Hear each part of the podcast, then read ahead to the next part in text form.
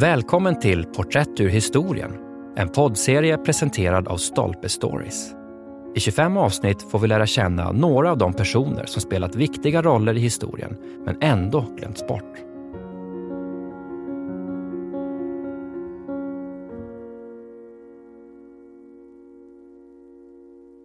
Aspasia från Miletos, den atenska salongens drottning, av Armand Dangour. Aspasia är kanske den mest kända och den mest orättvist, det vill säga oriktigt framställda kvinnan i den klassiska grekiska antiken. Hon levde i Aten under den så kallade guldåldern på 400-talet före Kristus, då staden under den målmedvetne generalen Perikles växte och blev den pulserande medelpunkten i ett maritimt imperium som sträckte sig över Egeiska havet och hade hundratals poleis, stadsstater under sig. Aspasia skulle bli Perikles älskade följeslagare och rådgivare i mer än ett decennium. Men hon var inte uppvuxen i Aten. Hon var född i Miletos, en stadsstat i Jonien, på det moderna Turkiets västkust, som i ett sekel hade varit det intellektuella navet i den antika grekisktalande världen. Om Aspasias tidiga liv i Miletos vet man ingenting med säkerhet och en stor del av hennes biografi har man tvingats pussla ihop utifrån olika källor och hypoteser. Men hennes senare levnadsbana visar att hon inte stod främmande för de intellektuella strömningarna i sin födelsestad. Miletos hade grundats av atenska och andra grekiska nybyggare omkring 1000 f.Kr och blev omsider ett blomstrande kulturellt och merkantilt centrum. Miletiska tänkare på 500-talet före Kristus, som Thales och Anaximander, ansågs av bland andra Aristoteles vara de första filosoferna. Dessa män ägnade sin tankeverksamhet åt att spekulera över frågor som låg utanför vardagslivets gilla gång. Frågor om universums ursprung, tidens natur och naturens grundelement. På 500-talet före Kristus hamnade Miletos under persiskt herravälde och förstördes till slut fullständigt efter ett misslyckat uppror 493 f.Kr. De överlevande invånarna tvingades gå i landsflykt. 14 år senare, 479 f.Kr., drevs de invaderade perserna ut ur Grekland och livet började återvända till Miletus, som byggdes upp på nytt. Bland de som återvände fanns Aspasias far, Axiokos, vars härkomst kan ledas tillbaka till den atenska adelsfamiljen Alkmeoniderna, som Perikles tillhörde. Cirka tio år senare, 470 f.Kr., föddes Aspasia. På grekiska betyder hennes namn välkommen, vilket kan tyda på att hon skänkte oväntad glädje när hon kom till världen. Under sin uppväxt fick hon av allt att döma en litterär och filosofisk utbildning, vilket förmenades de flesta grekiska kvinnor, som gjorde det möjligt för henne att bli en utmärkt föreläsare en vältalig tänkare och en beundrad lärare. Atenarna förknippade intellektuell verksamhet och retorisk förmåga, vilket de ansåg vara dubiöst med icke-atenare, vilka kategoriserades som xenoi, främlingar. Och de mest framträdande gestalterna bland dessa, män som Protagoras och Gorgias, gav dem beteckningen sofister. Men att en kvinna kunde ha en sofists egenskaper var nästan otänkbart. En sådan skulle ha betraktats med förakt av atenarna, som mestadels tycks ha ansett att ärbara kvinnor var detsamma som mödrar och husmödrar utan någon rätt till intellektuella ambitioner. När Aspasia var omkring 20 utvandrade hon till Aten i sällskap med sin syster som var gift med den atenske adelsmannen och politikern Alkibiades, som var alkmenoid även han. Tio år tidigare, 460 f.Kr., hade Alkibiades varit föremål för en procedur kallad ostracism, genom vilken atenan i en beslutande omröstning kunde landsförvisa en illa omtyckt och politiskt omstridd figur från staden under en period av tio år. Han hade begett sig till Miletos med hustru och familj. Och när de kom tillbaka hade de med sig hans hustrus syster, den vackra och begåvade Aspasia, troligen i avsikt att hitta en förnäm make till henne. Men vid 20 års ålder ansågs Aspasia ha sina bästa år bakom sig eftersom atenska flickor brukade giftas bort i tidiga tonåren, vilket försvårade möjligheterna till ett högättat äktenskap. Eftersom Aspasia var både kvinna och främling var det väntat att atenska män och kvinnor skulle höja på ögonbrynen. De förknippade i allmänhet sådana egenskaper med en kategori kvinnor som hade betydligt sämre anseende. Hetärerna. Hetairai.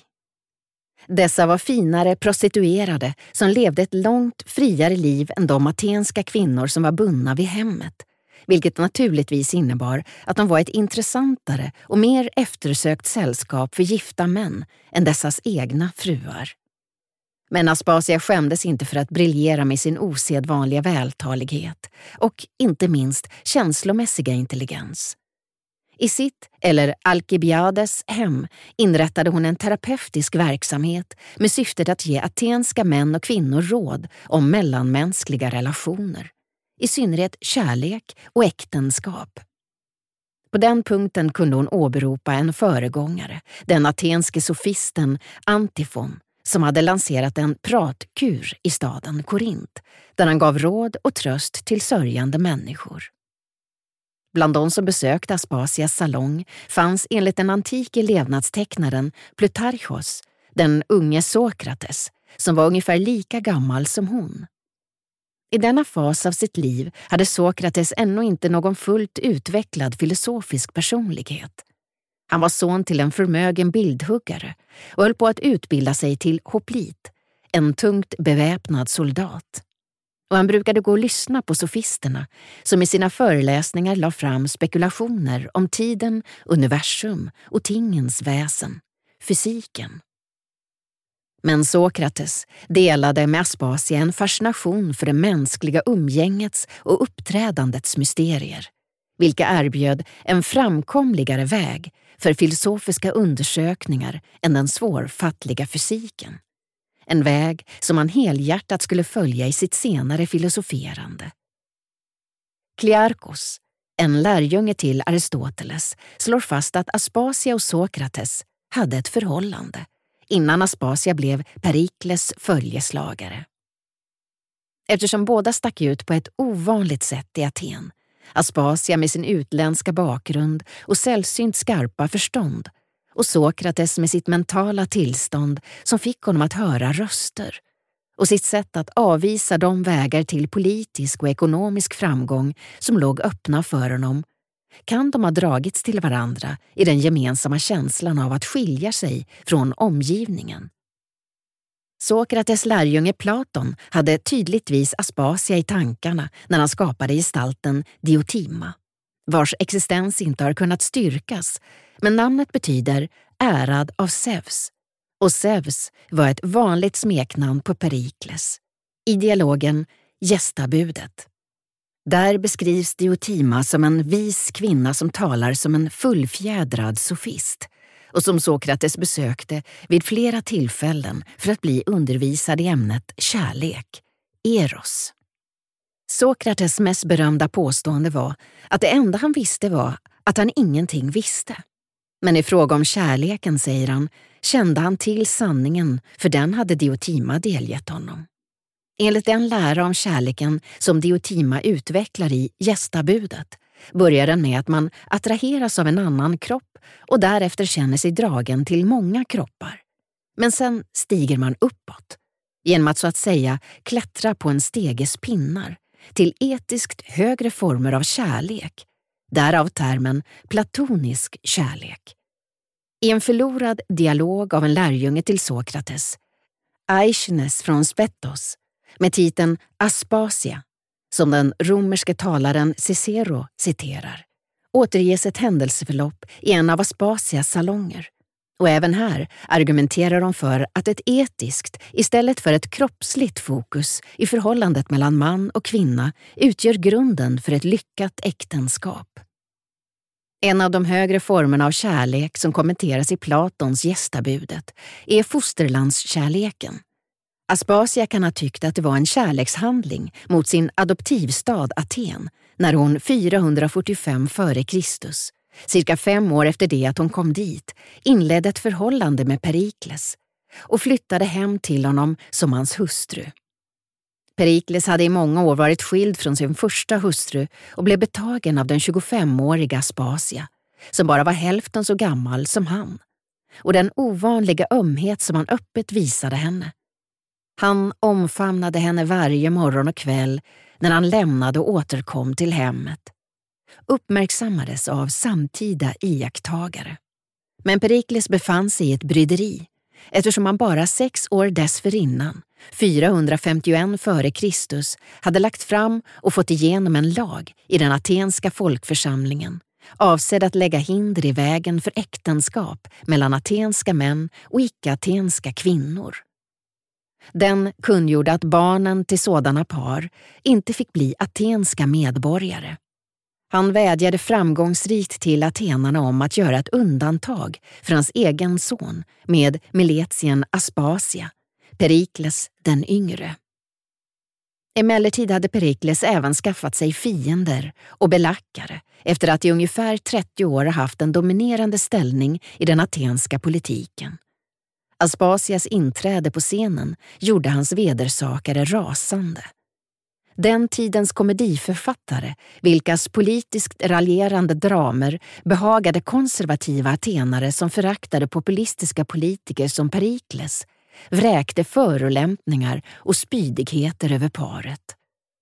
I vissa bevarade passager ur dessa komedier kallas Aspasia hora, bordellmamma och mor till en oäkting och skymfades för sitt påstådda dåliga inflytande över Perikles som 439 f.Kr.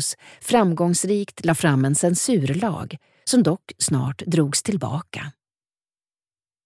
I synnerhet beskylldes hon för att ha sporrat Perikles till att företa en militärexpedition till lands och till sjöss mot ön Samos, en handelsrival till hennes födelsestad Miletos, vilket ledde till ett blodigt, tio månader långt fälttåg 440 till 439 f.Kr. som slutade med öns bittra underkastelse. Nio år senare, 431 f.Kr. gick atenarna åter ut i strid, denna gång mot Sparta, som en följd av ett antal ombudskrig med bland annat grannstaden Megara.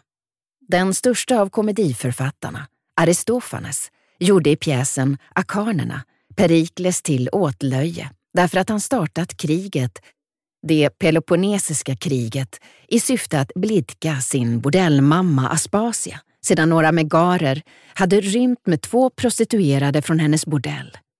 Fastän sådana intriger är absurda och utpräglat komediaktiga har de i många hundra år uppfattats som trovärdiga. Men två nyktra samtida skildrar av Sokrates Platons och Xenofons liv framställer endast Aspasia som en aktad lärare i vältalighet och expert på frågor om mänskliga relationer. Ingen av dem säger något om att hon skulle vara en hora och det finns inte en enda antik källa där de beskrivs som en hetär. Den termen har häftats vid henne av senare författare som störts av de mer nedsättande beteckningar som komediförfattarna gav henne men inte varit beredda att erkänna sanningen i Platons och Xenofons beskrivningar av henne som respektabel. I Platons dialog med Nexenos säger Sokrates att Aspasia kraftigt bidrog till att skriva det berömda och bevarade liktal som läggs i Perikles mun av historikern Tukydides. Om så är fallet var hon utan tvivel lika utomordentligt vältalig som inflytelserik men inte så som komedierna framställer henne. Aspasia miste Perikles 429 f.Kr. efter att ha levt tillsammans med honom i mer än 15 år, då han dukade under för den pest som härjade i Aten. Året efter gifte hon om sig med en man vid namn Lysikles, som var general och möjligen tidigare officerskollega till Perikles. Även Lysikles smutskastades av komediförfattarna som kallade honom fårhandlare, vilket förmodligen syftade på hans ringa merkantila bakgrund och Aspasias giriga karaktär. Men fårhandeln kan helt enkelt ha varit ett tecken på hur rik han var.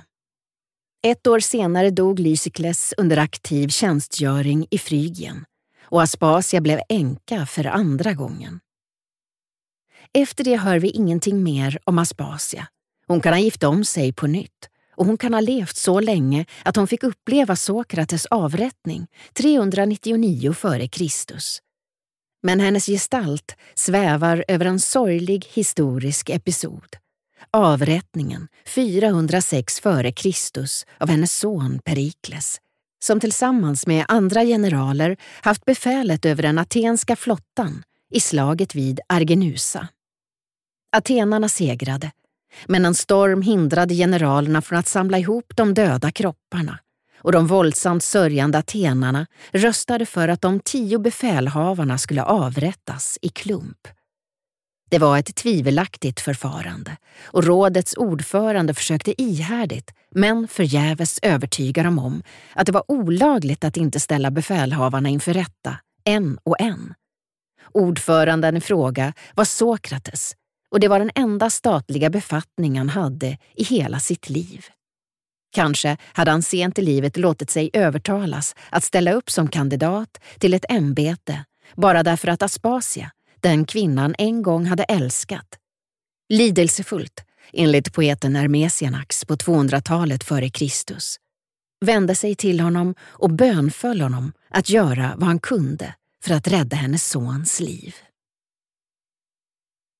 Armand Dangour är professor i klassisk filologi vid University of Oxford och undervisar i grekisk och latinsk litteratur vid Jesus College. Han är författare till ett stort antal artiklar och bokkapitel om den antika Greklands litteratur och kultur och har i egenskap av för detta professionell cellist bedrivit nydanande forskning om rekonstruktion av tidig grekisk musik. Bland hans böcker kan nämnas The Greeks and the New, Socrates in Love, The Making of a Philosopher och How to Innovate, An Ancient Guide to Creative Thinking.